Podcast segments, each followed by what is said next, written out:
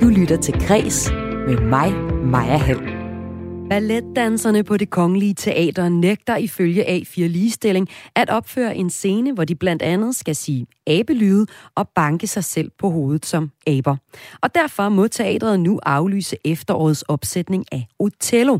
Men det er et udtryk for krænkelsesangst, mener en teateranmelder, som jeg taler med, først her i Kulturmagasinet Kris. En udsendelse, der også skal handle om regeringens nye handlingsplan mod jødehad. Gennem to nye puljer til kulturindsatser vil regeringen afsætte i alt 24 millioner kroner til bekæmpelse af antisemitisme. Men det er problematisk, at regeringen kun har blik for diskrimination af et bestemt religiøst mindretal, lyder det fra en forsker i diskrimination, racisme og ligestilling her i udsendelsen. Og øh, det er en udsendelse, der også skal handle om øh, et af TV2 Plays mest sete datingprogrammer. Jeg søger en kvinde, som øh, jeg kan dele min hverdag med. Jeg tror i bund og grund, at jeg også har fundet ud af, at jeg har brug for en pige, som giver mig noget modstand. Og en, som tør springe ud i det her eventyr sammen med mig. Ja, i går var der premiere på anden sæson af reality-programmet Bachelor, hvor to mænd mænd dater 17 kvinder.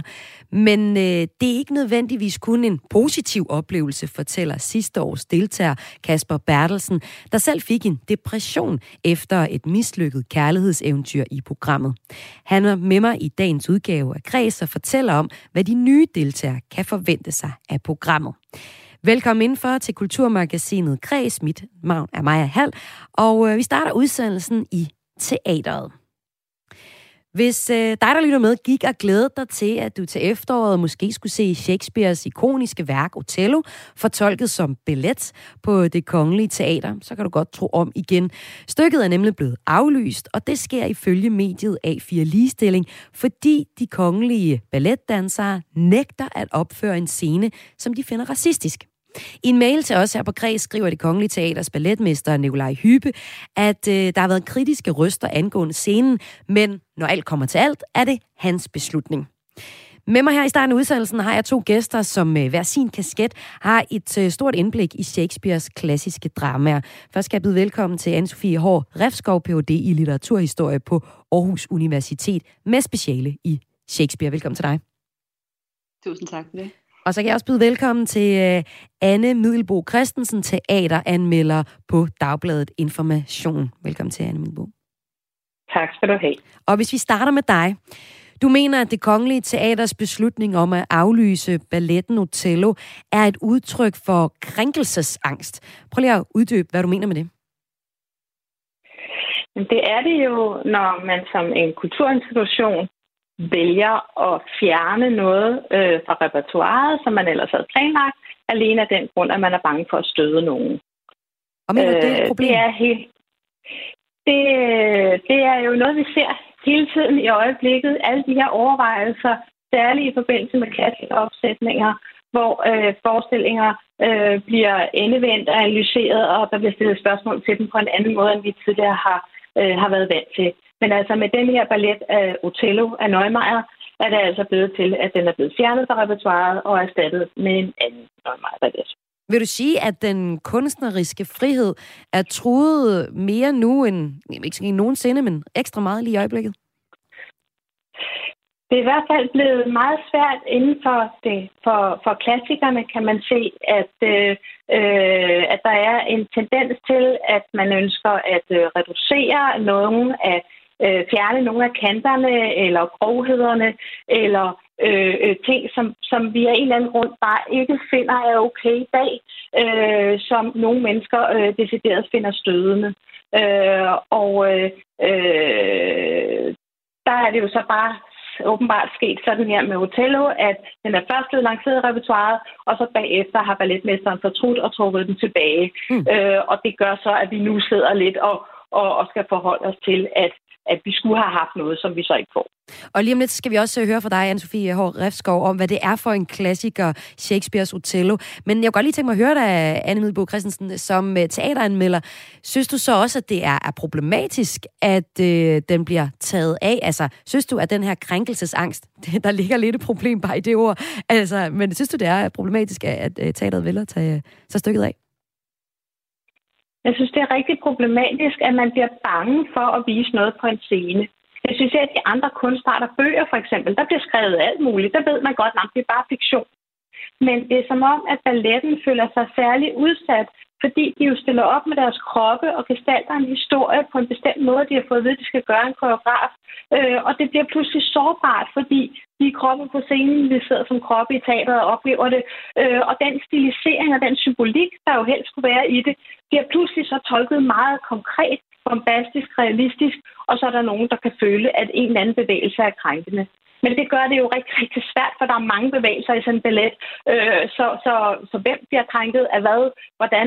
Øh, det, det er der, hvor det, hvor det virker øh, øh, virkelig ærgerligt, at det ikke er lykkedes at opsætte Othello alligevel.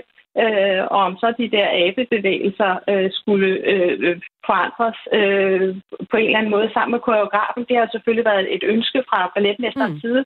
Det har John Neumeier så ikke ville gøre. Men, men jeg synes, at det er virkelig betænkeligt, øh, at på grund af, af nogle bevægelser i en enkelt scene i en, øh, en stor og vigtig ballet, øh, så ryger den bare ud af repertoiret. Selvom øh, det kongelige teater oplyser til os, at beslutningen om at aflyse Otello og i stedet opsætte en skær sommernatsdrøm alene er truffet af balletmester Nikolaj Hyppe, så sker det altså ifølge mediet A4 Ligestilling, fordi danserne, som du også siger her, nægter at opføre en scene, der hedder Krigerdansen, hvor de blandt andet skal sige abelyde og banke sig selv på hovedet som aber. I lyset af, at øh, hovedpersonen Otello er mørk i huden, så bliver det opfattet øh, af danserne som racistisk. Det er en sag, der har vagt opsigt. Så sent som i dag har Dansk Folkepartis kulturordfører Dennis Flytkær stillet flere spørgsmål til kulturminister Ane Halsbo Jørgensen om den her sag. Han spørger blandt andet, om øh, det er ministerens opfattelse af, og nu citerer jeg, at det skal være balletdansernes politiske opfattelse, der skal være afgørende for, hvilke forestillinger det kongelige teater kan opføre. Vi har her på Kulturmagasinet Kreds forsøgt at få interviews med det kongelige teaters uh, teaterchef Nikolaj uh, Hol, Kasper Holten, undskyld, uh, eller med, uh, og med balletmester Nikolaj Hybe, men det har ikke været muligt. I en mail, der skriver Nikolaj Hybe, at jeg har naturligvis været i dialog med mine dansere, ligesom jeg har talt med mit kunstneriske team. Der har været kritiske røster angående scenen i Utello, det har jeg selvfølgelig lyttet til og taget med i mine overvejelser, men når alt kommer til alt, så er det min beslutning alene at erstatte Otello med en skær sommernats drøm. Anne Middelbo, hvor usædvanligt er det, at danserne har så stor indflydelse på en opsætning, så det er angiveligt har haft her? Det er meget usædvanligt. Jeg kan ikke huske, at jeg har hørt om noget lignende. Men nu skal man jo huske på, at det her det er noget, der er foregået inden for murene på det kongelige teater øh, og som jo aldrig ville være kommet til vores, til offentlighedens kendskab, hvis det ikke havde været fordi, at, at uh, repertoireet lige akkurat var nået at blive øh, publiceret her for en måned siden. Hvis øh, det havde været en diskussion, der var taget i god tid, uh, måske på et tidspunkt, hvor danserne havde kunne se den her video og kunne kunne øh, gøre indsigelser, da de oplevede den her scene, ja, så var det jo ikke sket. Så det er et ærgerligt øh, øh, tilfælde af, at, øh, at forarbejdet nok ikke har været, været grundigt nok. Men altså, jeg må lige sige, at øh, den her ballet er faktisk blevet danset i Danmark før. Mm. Øh, den var på gæstespil i Østre Gasværk helt tilbage i 1990. Det var en fantastisk oplevelse. Jeg var heldig at se den dengang. Øh, og der var ingen, der talte om krænkelse. Øh, tværtimod synes folk, at han var øh, ret våget, han var grotesk, øh, der var masser af liderlighed og, og helt bizarre øh, øh, ritualer, men man tog det som, øh, som den symbolske øh, øh, øh stemning, øh, som, som han ønskede at skabe, øh, når, han, når han i den her Otello-ballet ville beskrive den, den unge lyse kvinde, den italienske kvinde over for den sorte afrikanske øh, Otello. Altså, så var det ligesom et grotesk udtryk over for et klassisk balletudtryk. Og det, øh, sådan blev det opfattet dengang. Så det er altså også et spørgsmål om tid. Mm. Og det er nemlig øh, uh, Otello, altså Shakespeares stykke, oversat eller fortolket til ballet, som vi taler om her i Kulturmagasinet Græs her først i udsendelsen. Og nu skal jeg fat i en forsker i uh, Shakespeare, Anne-Sophie Refskov, og jeg har præsenteret dig, du er med stadig, og så lidt, lad os se lidt nærmere på den her klassiker. Uh, ballet Otello, som uh, skulle have været opført på det kongelige teater, er lavet af den anerkendte koreograf John Neumeier. Uh, den aflyste forestilling er en fortolkning af William Shakespeares uh, ikoniske værk fra begyndelsen af 1600-tallet. Øh, den handler, sådan i grove træk, om generalen Nutello, der kæmper for det øh, venetianske her i krigen mod det osmaniske rige. Han bliver hemmelig gift med den fornemme venetianske kvinde Desdemona, men stykkets anden hovedperson, Jago, vækker hans jalousi i så høj grad, at Otello dræber sin hustru i et raserianfald. Der er mange følelser på færre i sådan et godt klassisk Shakespeare-stykke. Othello øh, er såkaldt maur, et gammelt udtryk for øh, folk af nordafrikansk eller mellemøstlig afstamning, som altså er mørke i huden, og derfor er race et centralt tema i værket. Men Anne-Sophie Refskov, hvad er det for en øh, for grundfortællinger, der er på spil i, i Othello som værk? Men det er jo meget den grundfortælling, du også, du også lige har ridset op. Ikke? Altså, det er jo et, et, et meget fortættet øh, jalousi-drama, øh, der handler om ja, primært de her, de her tre personer, og så ender, ender dybt tragisk.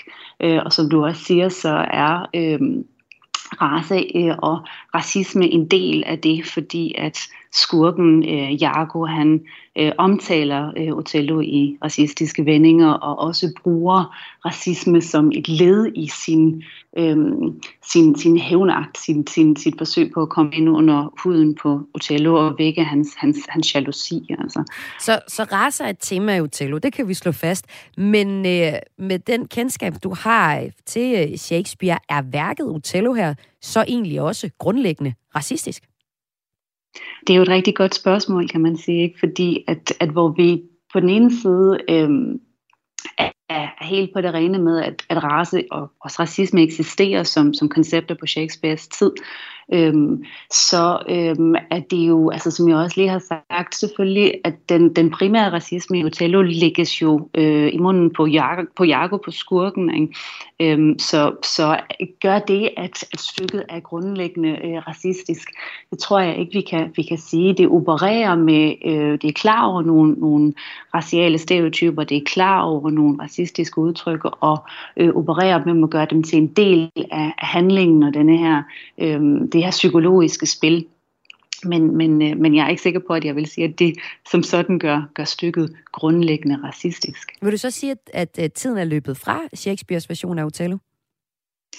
Det er jo tid, Nej, også noget, det, jeg ikke, jeg vil Anne sige, øh, på, ja. Jeg tror øh, snarere, at jeg vil sige, at vi har øh, en mulighed for at bruge de her øh, klassikere, kan vi kalde dem, eller mm. historiske, historiske værker til også at få en dybere øh, historisk forståelse af, jamen, hvordan øh, koncepter om race og racisme bliver konstrueret i dag. Ikke? Altså vi får et bedre historisk grundlag for at forstå det, når vi kan se det i en anden tid, øh, og se det hen over en, en, en lang historisk øh, periode og udvikling. Så jeg tror faktisk, at tværtimod, at, at, at, øh, at, at jo bedre øh, litteraturhistorisk overblik og forståelse vi har, øh, jo, øh, jo, jo, jo, jo mere nuanceret forståelse får vi også for, for nogle af de her problematikker.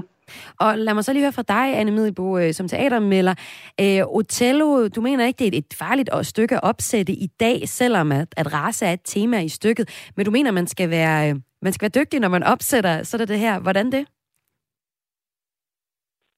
Altså, øh, man skal være man meget opmærksom på, hvordan man øh, opsætter det, kunne jeg spørge.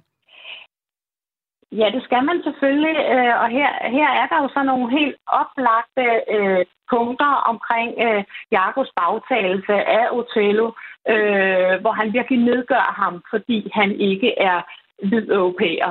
Øh, og det er klart, det klinger på en anden måde i dag, og det må man så finde ud af på en eller anden måde og skildre, uanset om det er ballet eller skuespil, man opsætter det som, sådan så, at det øh, øh, forstås på den rigtige måde i dag. Mm. Øh, men det kan jo ikke nytte noget, at man vil tage de her ting ud af det, fordi det er jo enormt essentielt for dramaet. Og det er faktisk også med til at, at gøre tragedien endnu større, at forstå, at når det er en, der kommer uden fra en kultur og klarer sig rigtig, rigtig godt i en kultur, og faktisk scorer den allerhotteste kvinde overhovedet, så bliver der jo bliver faldet øh, i det øjeblik, at han så bliver bedraget til at, at, øh, at dræbe hende, så bliver faldet enormt. Øh, så, så, så, så det racistiske er også en del af, af hele pointen i fortællingen. Og, og det spiller... bliver man nødt til at finde en måde at, at vise på, også i balletten. Ja, Anne Middelbo, jeg tænker, så spiller det også en, en, en vigtig rolle, at øh, så, vidt, så vidt vi ved, og så vidt vi kan forstå, så er øh, det, der er ikke nogen øh, racistiske tanker bag stykket. Altså, hvis der nu var det, vil du så se anderledes på Othello-stykket?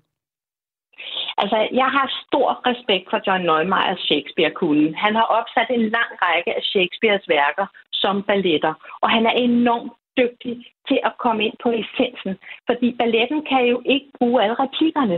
Så han har jo så skulle tage en meget, meget stor og kompleks handling på fem akter og gøre til en ballet, hvor du faktisk kan forstå, hvad der foregår. Han har for eksempel lavet det med til to akter, øh, og han har forenklet rigtig mange ting. Og så har han brugt nogle symboler, enormt flotte, et eller andet tørklæde, som Otello har foræret til Desdemona som bryllupsgave, og som ligesom bliver et eller andet bevis øh, undervejs i denne her intrige mod ham. Det, det, det tørklæde, de har brugt hele vejen igennem, og det er sågar det, som, som Otello kvæler sig selv med til sidst. Altså, Nøgmeier er så dygtig i sin symbolik, så derfor er det så hammerne her ærgerligt, at på grund af nogle ganske bestemte bevægelser i en lille scene, så bliver hele det her forpurret. Øh, hvorfor Nøgmeier ikke er gået ind på så bare at lave den her krigerscene om, det ved jeg ikke. Men manden er i 80'erne, det kan være, at det har været for uoverskueligt. Men, men, øh, men, men, men det ændrer altså ikke ved, at jeg i hvert fald synes, at det er et værk, som overhovedet ikke har været lavet med denne her racistiske, øh, et, et ønske om at nedgøre nogen. Det har, det har bare afspejlet den tids måde at øh, øh, øh kunne beskrive to kulturer, som går i clash. Men Faktum er jo altså så, at øh, stykket her, Otello på det Kongelige Teater, er blevet taget af efterårsprogrammet. Og til at kommentere på det, så havde jeg Anne-Sophie Hård Refskov, der har særlig speciale i Shakespeare, som øh, forsker ved Aarhus Universitet, og Anne Middelbo Christensen, teateranmelder på Dagbladet Information. Tak fordi I var med her i Kulturmagasinet Kres. Tak. Tak for det. Om lidt skal det øh, handle om datingprogrammet Bachelor på TV2. For at medvirke i det, det kan være en hård oplevelse, både under optagelserne, men i den grad også bagefter. Det fortæller tidligere deltagere, der faktisk fik en depression, efter han var med i den første udgave af reality-programmet. Senere i udsendelsen får jeg besøg af Kasper Bertelsen. Men først skal det handle om regeringens nye handlingsplan mod jødhed, der får kritik fra min næste gæst. Du lytter til Græs med mig, Maja Hall. Over øh, tre år vil regeringen afsætte i alt 24 millioner kroner til kulturindsatser, der skal forebygge antisemitisme. Altså antijødiske holdninger. Det vil regeringen blandt andet gøre via to nye puljer, der skal støtte udstillinger og oplysende indsatser for unge om dansk jødisk liv og kulturarv, det skriver Slot til Kulturstyrelsen i en pressemeddelelse. Men den tilgang er ikke helt uproblematisk, mener min næste gæst, og det er dig, Mira Skadegaard, adjunkt og forsker i diskrimination, racisme og ligestilling på Aalborg Universitet. Velkommen til Kreds. Tak skal du have. Du er skeptisk over for, at indsatsen øh, her fra øh, Slots- og Kulturstyrelsen er rettet mod diskrimination af en bestemt religiøs gruppe herunder. Altså her, her er det altså jøder. Hvorfor er du kritisk over for det? Men det er fordi, at vi ved, hvis man kigger på det her fra et forsknings- og vidensperspektiv, at når man tager diskrimination fra et, hvad man kalder et single access tilgang, altså en en parameter af gangen tilgang, hvor man kun fokuserer på én gruppe, for eksempel kun køn eller kun øh, et bestemt religiøst øh, mindretal, så er det ikke nødvendigvis det mest effektive måde at håndtere diskrimination. Et, altså det, det skaber ikke nødvendigvis en løsning, men måske flere problemer. Og Hvorfor to, det? Bare lige for der, er, ja, der er et andet problem, der også handler om, at i Danmark har vi simpelthen bare så lave kompetencer, så lidt viden og så lave prioritering af diskrimination i det hele taget, og så dårlig en implementering af det lovgivning, vi har, og håndtering af den diskrimination, der er i samfundet i forvejen, så gør det endnu så gør det det faktisk endnu værre, når vi vælger at tage én parameter ad gangen på den her måde, fordi i virkeligheden viser vi, at vi prioriterer nogle grupper, samtidig med at vi accepterer diskrimination mod, mod andre grupper. Og her gør vi det ovenikøbet i forhold til bestemte religiøse grupper, og altså, det kan godt risikere at stille dem op mod hinanden. Wow. Og det tror jeg bestemt ikke er, er mening. Men hvis vi nu ser på hadforbrydelser mod jøder, så er det øh, stedet de, sidste, de seneste år. I 2015 der blev København ramt af to alvorlige terrorangreb mod Krudtønden på Østerbro og mod den øh, jødiske synagoge i Grønstalgade i Indre København. I den forbindelse blev to øh, mennesker skudt og dræbt, og seks politifolk blev såret, og inden gerningsmanden selv blev dræbt i skududveksling med politiet. Og seneste år så har vi også set racistisk motiveret, øh, motiveret herværk mod jødiske gravpladser i både Aalborg og Randers. Hvis man også ser på sådan øh, tallene, altså sager registreret som hadforbrydelser mod jøder, så er det ifølge Rigspolitiet øh, steget fra 2017 til 2020 fra 38 sager til 79 sager, skriver DR. Så Mia Skadegaard, du forsker i diskrimination, og det lyder jo faktisk også som, at tallene viser, at vi har et særligt problem i forhold til hadforbrydelser mod jøder, så giver det ikke god mening, at regeringen netop prøver at, øh, at stoppe det her problem, eller at forebygge øh, kommende øh, hadforbrydelser mod jøder? Selvfølgelig, altså det skal vi. Vi skal gøre noget ved det her, men vi skal bare passe på, at vi ikke fokuserer kun på den stigning i diskrimination, der sker mod den ene gruppe. Og absolut skal der også være en, en indsats, der bliver, hvor der fokuseres på diskrimination. Problemet er bare, at man skal også kigge på alle de andre steder, og de andre religiøse mindretal, der også oplever en stigning i, i, i vold af forskellige typer, og også, øh, hvad hedder det, også af herværk og så videre. Vi ved, det sker. Og derfor tror jeg, det er ret vigtigt at lave et lidt, lidt bredere indsats. Jeg siger ikke, at man ikke, selvfølgelig skal man også sørge for antisemitisme eller arbejde med antisemitisme, men vi er også nødt til at kigge på det bredere billede. Hvorfor har vi så store problemer med diskrimination i samfundet? Hvorfor er der de her strukturelt og systemisk og individualiseret udfordringer, som vi ser. Hvorfor er der den vold, og hvorfor er det blevet legitimeret, og hvorfor i alverden vokser det? Så det kræver, synes jeg, en, en anden tilgang, end at bare gå ind og sådan, ligesom vælge at gøre en lille smule her, en lille smule der. Det kan godt komme til at ligne lidt symbolpolitik. Mm. Og du siger jo så, at der er en stigning på flere områder. Altså, er der en generel stigning i, øh, lad os sige, religiøst motiverede hadforbrydelser? Er det dit øh, fornemmelse som forsker? Det ved jeg faktisk ikke, fordi vi har så få tal, der er vil jeg sige, nogen vi kan 100% stole ja. på. Vi, vi måler noget øh, diskrimination, og vi måler noget andet mindre godt, og vi har mindre øje for andre typer diskrimination, fordi vi netop har den her, som jeg talte om i starten, manglende kompetencer, manglende viden, manglende forståelse for diskrimination. Det vil sige, når det sker, så er det ikke sikkert, at vi identificerer det. Vi har set det for nyligt i simpelthen den måde, politiet håndterer deres uh, hverdagspraksiser, hvor de faktisk er diskriminerende i deres praksiser, uden at de nødvendigvis ved det. Så hvis vi ikke ved bedre, at der findes diskrimination. Hvis vi ikke er gode til at identificere det, så vil det også være svært, hvis jeg for eksempel var en, en, en medlem af et religiøst mindretal, der oplevede diskrimination, så vil jeg ikke kunne gå til politiet for at rapportere det og være sikker på, at det blev anerkendt og identificeret. Så jeg vil sige, at der er alt for meget usikkerhed mm. omkring tal, vi har, og vi har ikke tal nok, og vi har ikke prioriteret området nok, området nok til at vide nok om det her i, i landet eller i Danmark generelt, hvilket er lidt ærgerligt, fordi vi har tidligere været ret progressiv på antidiskrimination, men det er gået ned ad bakke de sidste mange år. Og grunden til, at vi taler om det nu her i Kulturmagasinet Kreds, det er, fordi to nye puljer skal støtte udstillinger og oplysende indsatser, altså på kulturområdet, for unge om dansk jødisk liv og kulturarv. Og det er en del af regeringens tværministerielle handlingsplan mod antisemitisme, som blev præsenteret i januar i år, og øh, som øh, Justitsministeriets ord har til formål at forhindre, at antisemitismen slår rødder i Danmark.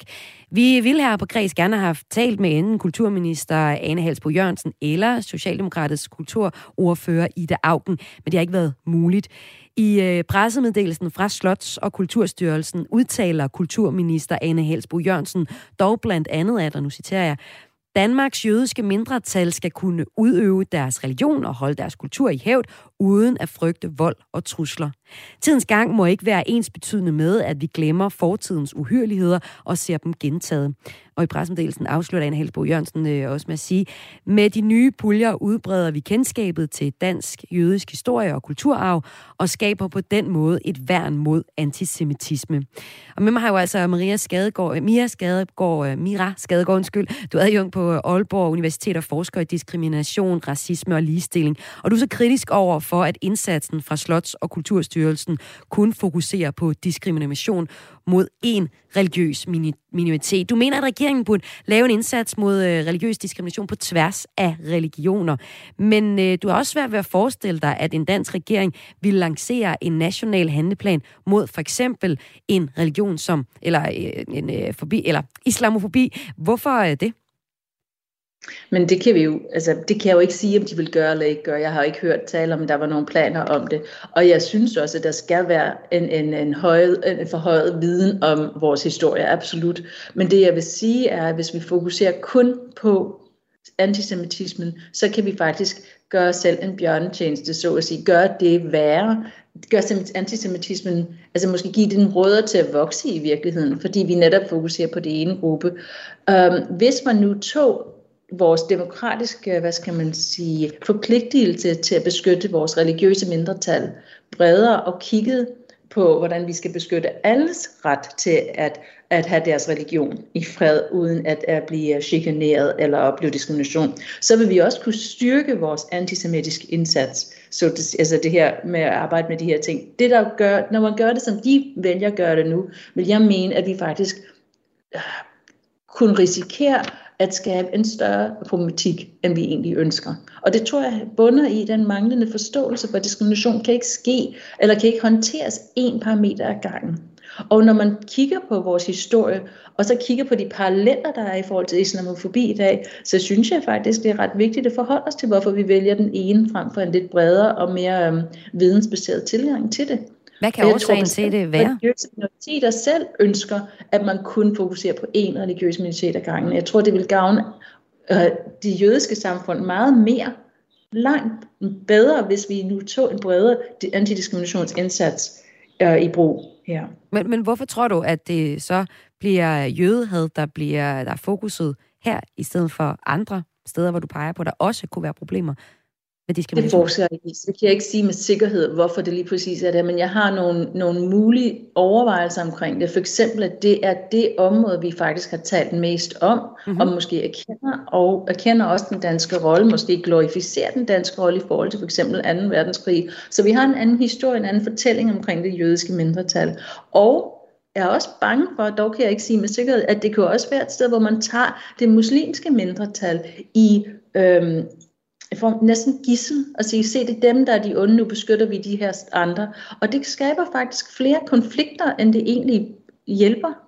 Fordi hvis du spørger selve de mindretal, der er i gang med at blive beskyttet, om de synes, det er den rigtige vej, så er jeg ikke sikker på, at de vil synes, jeg mener også, der er noget forskning, der, eller i hvert fald nogle undersøgelser, der peger på, at de, de jødiske mindretal selv har ønsket et bredere indsats, end kun en, der rører kun ved antisemitismen. Men altså, det, det må, Øhm, det kan jeg ikke huske helt præcis, hvor var, men jeg har hørt om det. Så jeg tænker bare, at vi, vi er nok nødt til at tænke lidt mere fra et vidensperspektiv frem for et følelsesperspektiv. Ofte når vi gør sådan noget som det her, antidiskrimination, antiracisme, eller prøver at arbejde øh, hen imod at øh, øh, menneske antisemitismen, så gør vi det fra et følelses- og holdningsperspektiv, og, og vi tager ikke vores videns og, og ja, vores videns- og forskningsperspektiv vel og godt med i det her. Så vi ender med at gøre noget, der måske ikke er så effektivt. Der er en lang historie og mange indsatser og meget viden at hente, men det prioriterer vi ikke. Og det synes jeg også er interessant. Mm, du mener jo så, at, at regeringen i, uh, hellere burde fokusere på uh, religiøs uh, diskrimination overordnet set, i stedet for at, at se på én ting med, med jødehad som fokus i den her handlingsplan. Men kan man ikke risikere, at man sådan lidt kommer til at handle meget bredt set om, vi har mange fordomme og diskrimination, uden det bliver, øh, uden at de er forskellige ting, de reelt gør nogen forskel. Altså er det ikke også en risiko ved det? Ja, det er det kun, fordi vi netop mangler så meget viden om diskrimination, og vi ikke har en savlig diskussion om det, og det får lov til at forblive i det her polariserede følelsesområde, øh, frem for at vi tager den viden, vi kan finde omkring diskrimination, og som findes, og prioriterer både forskning og viden om det her, og sørge for en videns, hvad skal man sige, uh, disseminering eller fortælling, eller hvad hedder det, vidensudbredelse om det her. Danmark vil være meget godt tjent med et særligt særligt indsats på antisemitisme, hvis vi i forvejen havde styrket vores antidiskrimination i det hele taget, så ville det give mening at sige, okay, her har vi et særligt problem. Men vi gør det i omvendt rækkefølge, og det er ikke effektivt.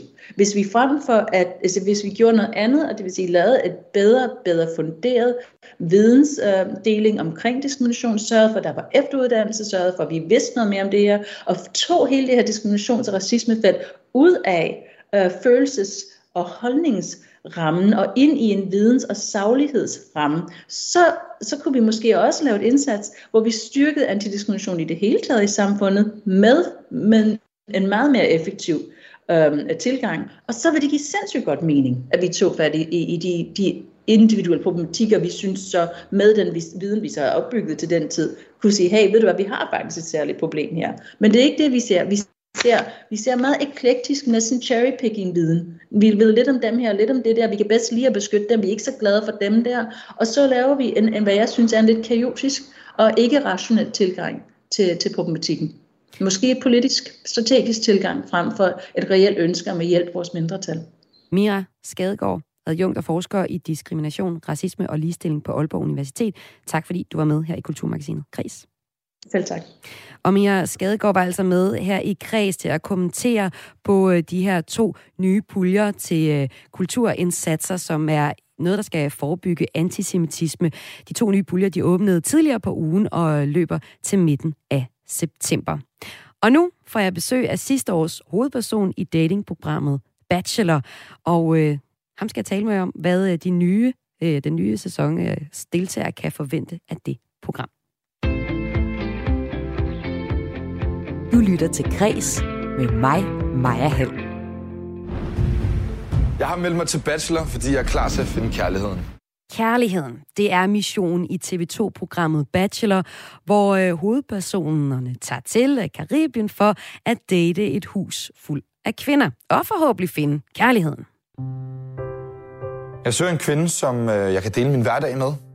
Jeg tror i bund og grund, at jeg også har fundet ud af, at jeg har brug for en pige, som giver mig noget modstand. Og en, som tør springe ud i det her eventyr sammen med mig. Eventyr. Ja, det kan godt lyde som et eventyr, men det kan også potentielt være rigtig hårdt og en rigtig hård oplevelse, der kan udvikle sig til en depression, som øh, den første hovedperson i programmet Bachelor oplevede, da programmet løb over skærmen sidste år. Og ham har jeg med nu i Græs, Kasper Bertelsen. Velkommen til. Jo, tak. I 2000, eller i 2021 var du øh, den første danske bachelor, der skulle forsøge at finde din drømmekvinde i det her datingprogram. Vi skal høre din personlige oplevelse med at medvirke i programmet, og ikke mindst tiden efter, som har været hård for dig. Og det skal vi i anledning af, at anden sæson af Bachelor havde premiere i går. Et program, hvis første sæson, som du medvirkede i, ifølge TV2 selv, øh, var et af de mest sete programmer på TV2 Play nogensinde, og også ret debatteret programmer, blandt andet fordi det var det her med, en mand, en masse kvinder at meske sig i. Hvad nu det er for et bagudskuende koncept, var der nogen, der mente. Mm. Men ikke desto mindre et koncept, folk gerne vil uh, se med i. Jeg kan godt tænke mig at høre dig, hvad din umiddelbare reaktion er, efter du har set uh, anden sæson af programmet. Ja, øh, jeg har set det første afsnit af anden sæson. Mm. Og øh, min umiddelbare oplevelse er, at øh, det ligner lidt sig selv. Mm. Og, øh, det er, er det jo godt? Både, ja, det er jo både på godt og ondt. Ikke? Øh, det gode er, at øh, de holder øh, konceptet. Og det andet er, at jeg også ser en klar ændring. Og det er netop, at i stedet for, at øh, man starter med en bachelor, og der så senere muligvis kommer en overraskelse med en anden bachelor, så starter man nu for start med to styks. Og det synes jeg egentlig er rigtig fedt at se. Fordi min egen oplevelse var jo, at øh, man blev taget lidt med bukserne ned, men øh, nu at man fra start to bachelor, og det skaber lige vilkår, synes jeg. Ja, man hører jo nogle gange i forbindelse med et reality-program, som det jo er, det her øh, bachelor-program, at, øh, der, at producenterne gør alt, hvad de kan for at få god underholdning ud af det. Er det også din oplevelse? Ja, helt sikkert. Altså, jeg, men det vil nok være lidt naivt at tro, at øh, de ikke prøver at lave nogle twist og noget drama undervejs. Og det vil man unægteligt også komme til at se i sæson 2. Det, det skal i hvert fald være min påstand. Det er bare vent at se, det kommer. Men altså indtil videre, så er der lige vilkår for alle, og mm. det synes jeg tegner godt, fordi det var nok noget af det, jeg savnede lidt i første sæson. Ja, hvordan det? Ja, men altså, det, når man starter, så øhm, har man jo fået noget lov på forhånd, og det er, man er medvirkende i det her program. Og det gjorde jeg også. Jeg fik at vide, at du er dig, ene bachelor, du skal date den her gruppe af kvinder, og så skal du egentlig bare få det bedste ud af det, og forhåbentlig finde kærligheden. Mm. Øhm, og det, der så skete undervejs, det var forskellige benspænd. Øh, for mig følger. Øhm, det var selvfølgelig rigtig fedt jo. Øhm, det skal jo ikke bare være let som leg det hele, og det skal også være interessant for seerne at se. Men øh, jeg havde nok ikke lige forventet, at øh, producenten lavede et øh, præmisændring midt i det hele. Mm, og altså inviteret en ekstra bachelor ja. ind. I den nye sæson, så møder vi her i første afsnit sæsonens to nye bachelor, for der er nemlig to helt fra starten af, og det er altså dem, der skal date de her 17 kvinder, for at prøve at finde kærligheden blandt dem. Så det vi så i første afsnit her, det er jo, at de møder de her kvinder, vi møder de her to mænd. Hvad er det for en følelsesmæssig oplevelse, der venter de her to mænd i, i starten af programmet? Ja, altså jeg synes, det var mega fedt at se øh, den første øh, afsnit, mm. øh, som handler om den røde løber primært set. Der var også lige en minkel del til sidst. Men og den røde løber, det er der, hvor I bliver introduceret til de her kvinder. Ja, ja. De kommer op, de præsenterer sig selv, måske med en lille gave, mm. som præsentere dem. Der var en, der kom i en gravkrog, tror jeg, det var. Ja, ja lige præcis. Lige For ligesom at sige, øh, jeg er, jeg er en, en type, der godt kan finde ud af at håndtere sådan en. Men hvordan var det, undskyld? Ja, jamen helt sikkert. Øh, min oplevelse var, at øh, det, der skete i første sæson, det var, at øh, alle kom op af den røde løber, præsenterede sig selv, og det var også rigtig fint. Nu enkelt havde taget en enkelt gave med eller noget. Men det, der er fedt at se i sæson 2, det er, at man kan tydeligt se, at øh, de har ændret noget i forhold til den her sæson, og det er, at der skal altså ske noget mere. Der er noget mere initiativ, der er nogle større surprises, øh, der er blandet en som rapper, freestyle rapper midt i det hele, så kommer den her gravgo, som du nævner, også en, der danser op ad den røde løber, øh, og så sker der også en lidt uheldig ting, der er egentlig ved at, at snuble. Men det er tydeligt at se, at øh, sæson 2, at øh, nu skruer de bissen på, nu skal der nogle flere ting, nogle flere surprises, og der skal ske noget, der ser fedt ud. Og lad os så se på sæson 1 og på din oplevelse med det, fordi øh, i 2021 var du øh, den første danske bachelor. Det er et amerikansk koncept, som vi har fået til Danmark nu, og øh, du skulle finde drømmekvinden i det her program. I øh, et overraskende twist, som du fortæller, der øh, får du selskab af endnu en bachelor. I skulle så begge to date og finde øh, ja, en potentiel øh, livspartner i programmet. Din øh, anden bachelor, han fandt en, og øh, hans forhold, de, øh, det er der stadig, de danner stadig par, mens dit forhold ikke holdt hjemme i Danmark. Og øh, det er jo også en situation, som de nye bachelorer kan komme til at stå i. Altså, at de ikke finder kærligheden, eller at kærligheden er mere kompliceret end som så. Du følte, at øh, din medvirkning i programmet var mislykket, fordi du ikke fandt kærligheden. Hvordan det? Ja, altså, øhm, helt øh, grundlæggende set, så deltog jeg i programmet for at finde kærligheden. Og det var jo hele min mission. Det var ligesom det, jeg gik ud på den her rejse for. Øhm, da det så ikke ligesom lykkedes, og jeg var kommet hjem til Danmark og ikke fandt kærligheden, så følte jeg nok bare lidt, at øh, det var lidt en fiasko fra min side af. Men var du helt sikker på, at du ville finde kærlighed, program, eller kærlighed i det her program? Jamen, det er også et reality-program. Ja, det er også rigtigt. God underhold. Ja, lige præcis. Altså, det, jeg var nok ikke sikker, men jeg havde bare en enorm stor forhåbning. Og jeg tænkte, i stedet for at være her hjemme i Danmark, hvor man deler en af gangen, så tager jeg nu ned på det her program, på den her fantastiske ø, på de fantastiske omgivelser, i romantiske omgivelser. Og så havde man trods alt 18 forsøg, tænkte jeg. Mm. Øh, og det var jeg så nok også rimelig ked af, at det ikke lykkedes. Jamen, hvad betød det for dig, da du kom hjem? Altså, hvad var det for nogle følelser, du fik, da du kom hjem? Ja, det er ærligt talt, det, det var, at øh, øh, på national tv, jeg følte lidt, at man havde fejlet.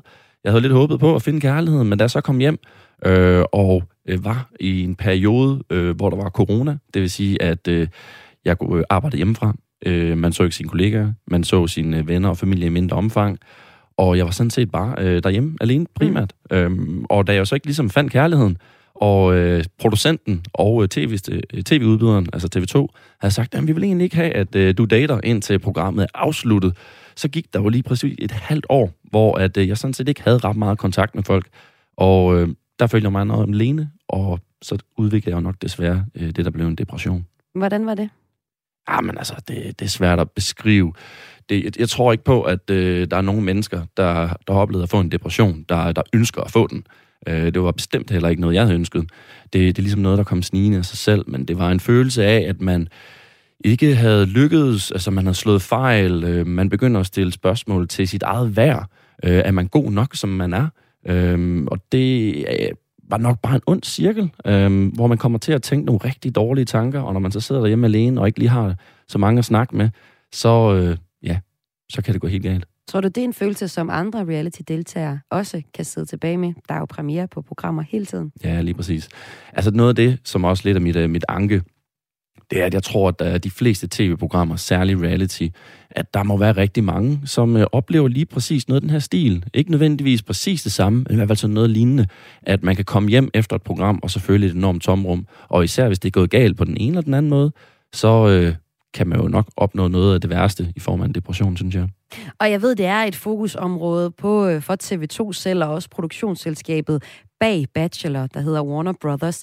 Øh, de, øh, har vi selv været i kontakt med. De har desværre ikke mulighed for at stille op i dag til interview, men vil rigtig gerne tale om det, fordi det er et vigtigt område for dem. De skriver til os, at vi har stor respekt for, at Kasper deler sin historie og sit personlige forløb efter sin medvirkning i Bachelor. Det er altid vigtigt for os, at vores medvirkende bliver informeret og forberedt grundigt og føler sig i gode hænder hos TV2 i hele forløbet. Det har vi også gjort os umage med i Kaspers tilfælde, men det betyder ikke, at man som medvirkende kan forberede sig 100% på, hvad der venter og hvordan det føles at medvirke i tv-format og det er her enormt vigtigt, at vi står klar til at gribe vores medvirkende. Du tog også kontakt til dem efterfølgende, hvor de hjalp dig med at få, et, øh, et, et, øh, et, få en psykolog til at bearbejde tiden efter det også. Og det er jo heller ikke, fordi du er, er, er kritisk over for TV2 eller produktionsselskabet i sig selv. Øh, du rækker ikke en direkte kritik med dem, men vil alligevel gerne have været klædt bedre på. Altså, øhm, du har skrevet en evaluering af din oplevelse. Hvad mm. har du skrevet, du godt kunne tænke dig at være Hvordan vil du gerne være klædt bedre på? eller hvad du skrevet? Ja, men helt sikkert. Øh, jeg tror, at det er lidt en blanding. Øh, det, jeg oplevede i sin tid, det var, at der var en periode med corona, hvilket satte nogle begrænsninger. Men, men det, jeg umiddelbart forestiller mig, jeg tænker, der ville have været gavnligt i min situation, det var en eller anden form for introforløb. Altså et forløb, hvor man øh, blev præsenteret for tv. Det er hvad, at lave tv. Hvad er tv-branchen? Hvad er reality? Øhm, får en eller anden øh, periode, det behøver ikke være ret lang tid, det kan være nogle dage eller en uges tid, hvor man ligesom får en slags indkøring i, hvad er det egentlig, du skal til at i gang med. Det kunne, jeg skulle også godt savne, at øh, der måske var noget, øh, noget relationsopbygning, noget, noget tillidsopbygning øh, mellem producent og, og medvirkende i det her tilfælde, for det var der ikke lige i mit, i mit tilfælde her. Øh, og det, det savnede jeg utrolig meget, fordi jeg følte nok lidt, at øh, jeg havde haft et, et møde med, med producenten, og så havde jeg haft en, et møde med en øh, deltageransvarlig, som skulle være dernede sammen med mig og støtte mig undervejs. Og det var egentlig sådan set det. Men en øh, deltageransvarlig, det lyder da også som om, at, at der er øje på jer deltagere, at de skal have det godt. Helt sikkert, og det, det er også derfor, jeg egentlig ikke retter en, en, en kritik som sådan, men mere et ønske og et håb for fremtiden til de kommende øh, medvirkende i reality-programmer. Fordi de har jo egentlig gjort en del, men jeg synes bare godt, der kunne gøres mere. Mm. Det, I mit tilfælde, der savnede jeg i hvert fald at, at få en eller anden form for øh, hvad kan vi sige, nogle gode råd og nogle gode vejledning til, hvad man bør gøre, hvad man ikke bør gøre. Hvad virker godt på tv, og hvad virker ikke så godt på tv? Ja, fordi noget af det, du også har været træt af, det er, hvordan du er blevet fremstillet på tv. Prøv lige at fortælle om det. Ja. Øh... Eller hvordan du kom til at være, fordi ja. du blev så ops på, ja. at der var kamera på. Ja, lige præcis. Ikke? Altså normalt, øh, hvis man spørger både min familie og venner, så vil de fortælle øh, højst sandsynligt, det er i hvert fald sådan, jeg selv har fået det at vide af dem, at øh, jeg er en meget glad og sprudlende person med, med kæk og rap i øh, Og det følte jeg jo nok lidt, når man lige pludselig stod, øh, og der var kamera på, og der var mikrofon på, øh, hele dagen lang. Altså blev man meget stiv i det. Man var meget opmærksom på, øh, siger jeg nu det rigtige, og hvordan kan det lige blive tolket, og når jeg så kommer hjem, øh, kan det så blive twistet og drejet, og så bliver det lige pludselig rettet mod en selv. Så jeg var meget fokuseret på at sige de rette ting. Så det var faktisk netop fordi, du havde set reality, og du havde set folk blive klippet og udspurgt til højre og venstre, og set nogle åndssvage ting, folk var kommet til at sige, at du kom til at blive så stiv i det? Ja, altså... Som du synes, du gjorde? Ja, altså, når jeg kigger tilbage på det, så kan jeg jo godt se, at øh, jeg udefra set ser lidt stiv ud, og i hvert fald ikke er jo 100% mig selv. Det er jo ikke, fordi jeg siger, at jeg ikke er mig selv, men der er i hvert fald sider af mig selv, som jeg ikke får vist. Og det kan jo godt for nogen, øh, har jeg lavet mig fortælle, virke som men virker en smule kedelig. Jeg vil nok måske vælge at dreje den og sige, at det nok er Ej, min kedelig, måde. det må da være det værste at få at Ja, lige præcis, ikke? Ja. Men jeg vil nok sige, jeg vil nok se det som at være, at være øh, min måde at være gentleman på. Mm. Og det er måske øh, ikke den klassiske deltager tilgang at være en gentleman, især hvis det er, man sammenligner det for eksempel med Paradise Hotel. Mm. Og øh, nu løber anden sæson af Bachelor så over skærmen. Så det vil sige, at der er nogle, en masse deltagere i det her program, der har siddet og skulle holde mund og nok ikke måtte date, ligesom dig, fra, fra udsendelsen blev optaget til, den nu bliver bragt på TV2 Play. Så hvis du kunne sige, hvis du havde dem foran dig lige nu, hvad vil du så sige, at de skulle huske på? Ja, altså husk på, at øh, der er rigtig meget fokus i øjeblikket, og øh, der er rigtig mange, som øh, vil gerne have fat i jer, der vil gerne vil snakke med jer, der vil til at udtale jer, vil gerne have til at svare på tonsvis af spørgsmål. Og det er også rigtig fint, men man skal bare huske på, at øh, det vigtigste er, at man har sig selv med. Jeg øh, har oplevet, at jeg kom til at sige ja til alt, og det var ekstremt hårdt og meget energikrævende, hvis man har et fuldtidsjob, og så kommer hjem, og så skal man bruge flere timer på at tale med journalister og svare på podcast og alt muligt i den stil. Og der vil jeg nok sige, der kommer jeg nok til at glemme lidt mig selv. Og det var nok også noget af det, der var med til at, ligesom at styrke øh, eller forstærke øh, den her meget øh, svære tid i mit liv, øh, som hele 2021 var, hvor jeg oplevede den her depression. Jeg har sådan set glemt mig selv. Øh, og det skal nok være en af mine største anbefalinger herfra. Det er, at i står lige nu og i rampelys, og det er mega fedt, og man skal også være super glad for det, og nyde lige så meget, man overhovedet kan, men man skal huske sig selv. Husk, at det er ens venner, det er ens familie, der betyder noget, og man må godt sige fra. Så husk lige at, at booke en, øh, en øh, aftale med en biograftur med nogle af venner. Ja, helt ja. sikkert. Jeg kan klart anbefale Top Gun. Den har jeg lige set, den er mega fed. Fedt, Kasper, og tusind tak, fordi du var med her i Kulturmagasinet. Kris. Det var så det. Kasper Bertelsen, der altså er tidligere deltager i programmet Bachelor. Og lige nu, så kan du se anden sæson af netop det her datingprogram på TV2. Du lytter til Græs med mig, Maja Hall. Han har hjulpet rigtig mange unge piger og drenge, også med at føle sig sådan, som sig selv, for eksempel sin seksualitet eller identitet. Kunstneren, det handler om her, det er Harry Styles. Fansene er mange, og han slår lige nu flere rekorder med sit nye album, Harry's House, der udkom for halvanden uge siden.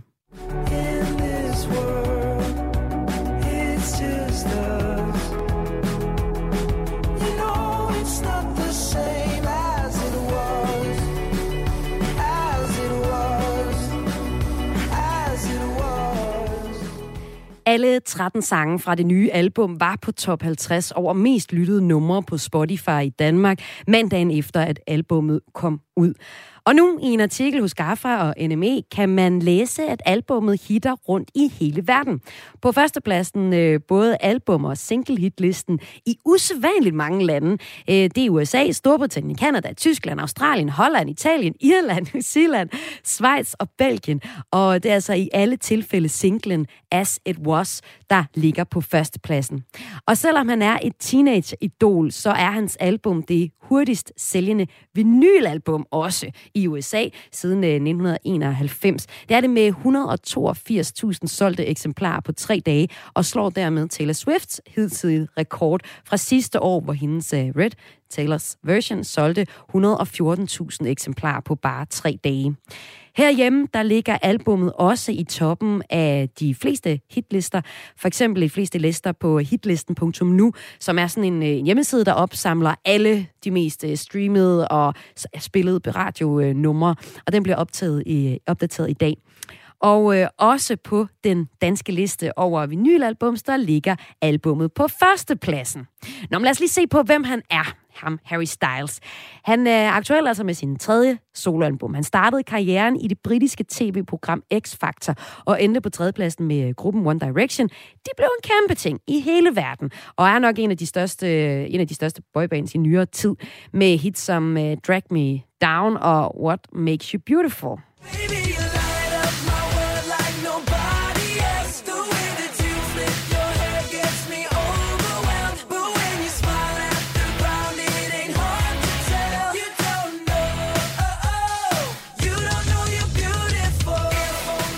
Harry Styles slog sig op med boybandet Run Direction i øh, 2016 og gik solo, og øh, hvis ikke karrieren var havde peaked med One Direction, så gjorde den det efterfølgende. Ikke kun med musikken, de seneste par år har han også øh, haft øh, en skuespillerrolle i Christopher Nolans film Dunkirk, og så blev han også omdrejningspunktet i en større debat om stil og maskulinitet. I 2020 optrådte han på forsiden af, den historiske, øh, af det historiske modemagasin Vogue. Sjældent er det mænd, der får lov til det, men øh, det mest opsigtsmæssende var faktisk ikke, at han var en mand, men var, at han var iført en lyseblå kjole med flæser. Og det øh, skabte en meget positiv debat omkring øh, maskulinitet og nytænkning af tøjstil. Og øh, så gik det altså nærmest fra øh, ja, talentshow til stilikon, og altså også forgangsmand. Vi har her på Kreds talt med nogle af Harry Styles danske fans om, hvorfor de er så vilde med ham. Og jeg synes, du skal høre, hvorfor. Her starter vi med Frida Knudsen på 15 år. Det Harry Styles betyder for mig, det er, at jeg kan være mig selv, og jeg kan være den person, jeg har lyst til at være. Og jeg har mødt så mange fantastiske mennesker, og hans musik gør mig glad, og han gør mig bare altid i bedre humør. Jeg hedder Cecilie Louise Hardy, jeg er 16, og jeg bor i Brøndby. Harry Styles, han har en meget stor betydning for mig, fordi at jeg har været fan af ham længe, og han har hjulpet mig, hans musik og ham har hjulpet mig igennem en masse svære tidspunkter i mit liv. Og hvis jeg havde muligheden, så ville jeg rigtig gerne takke ham for det, fordi han har hjulpet rigtig mange unge piger og drenge, også med at føle sig sådan, som sig selv for eksempel sin seksualitet eller identitet, eller ja, han hjælper bare mange folk. Øh, Mille Julmøller Jensen. Jeg er 17 år, og jeg bor i Frederikshavn. Harry Styles betyder utrolig meget for mig, fordi at jeg er vokset op med hans musik. Det har ligesom altid været der, og sådan har fulgt ind gennem livet, og han er et vildt godt forbillede, fordi han støtter op om nogle gode ting, og han er mega inspirerende. i sådan hans musik og hans sådan, udstråling generelt. Fulde navn er Rimor Christiansen, og jeg er 24 år, og jeg bor i København. Øh, jeg synes, Harry Styles altså, betyder rigtig meget for mig, fordi at jeg kan huske dengang i skolen og sådan noget, så var jeg ret alene, så egentlig de folk, jeg fandt sammen med, var folk, der også var fan af One Direction. Og jeg har egentlig bare hængt ved, for jeg føler på en eller anden måde, at jeg skylder ham mit liv, hvis man kan sige sådan. Lød det her fra en række Harry Styles fans, og der er altså rigtig, rigtig mange af. Og lad os også lige få noget af Harry Styles musik her fra pladen, som lige nu hitter verden over, altså bare ligger i toppen på alle hitlister. Her skal vi høre As It Was med Harry Styles her i Kulturmagasinet Kris.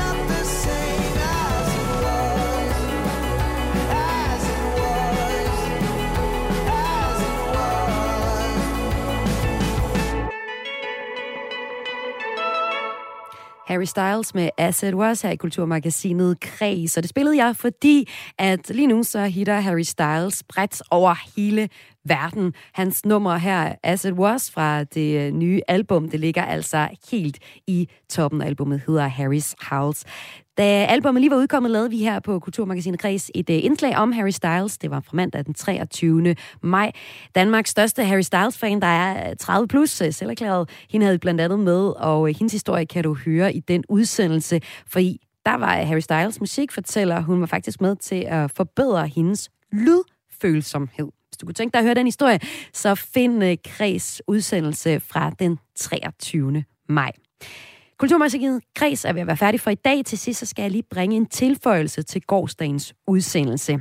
I går talte jeg med kunstner Thomas Kluge, der har stævnet meningsrådet i Sankt Pederskirken i Næstved, fordi han ikke vil have, at kirken har tilføjet en guldkant til hans værk. Han mener, at ændringen ændrer på billedets budskab, og Det bakker billedkunstnernes forbund nu op om.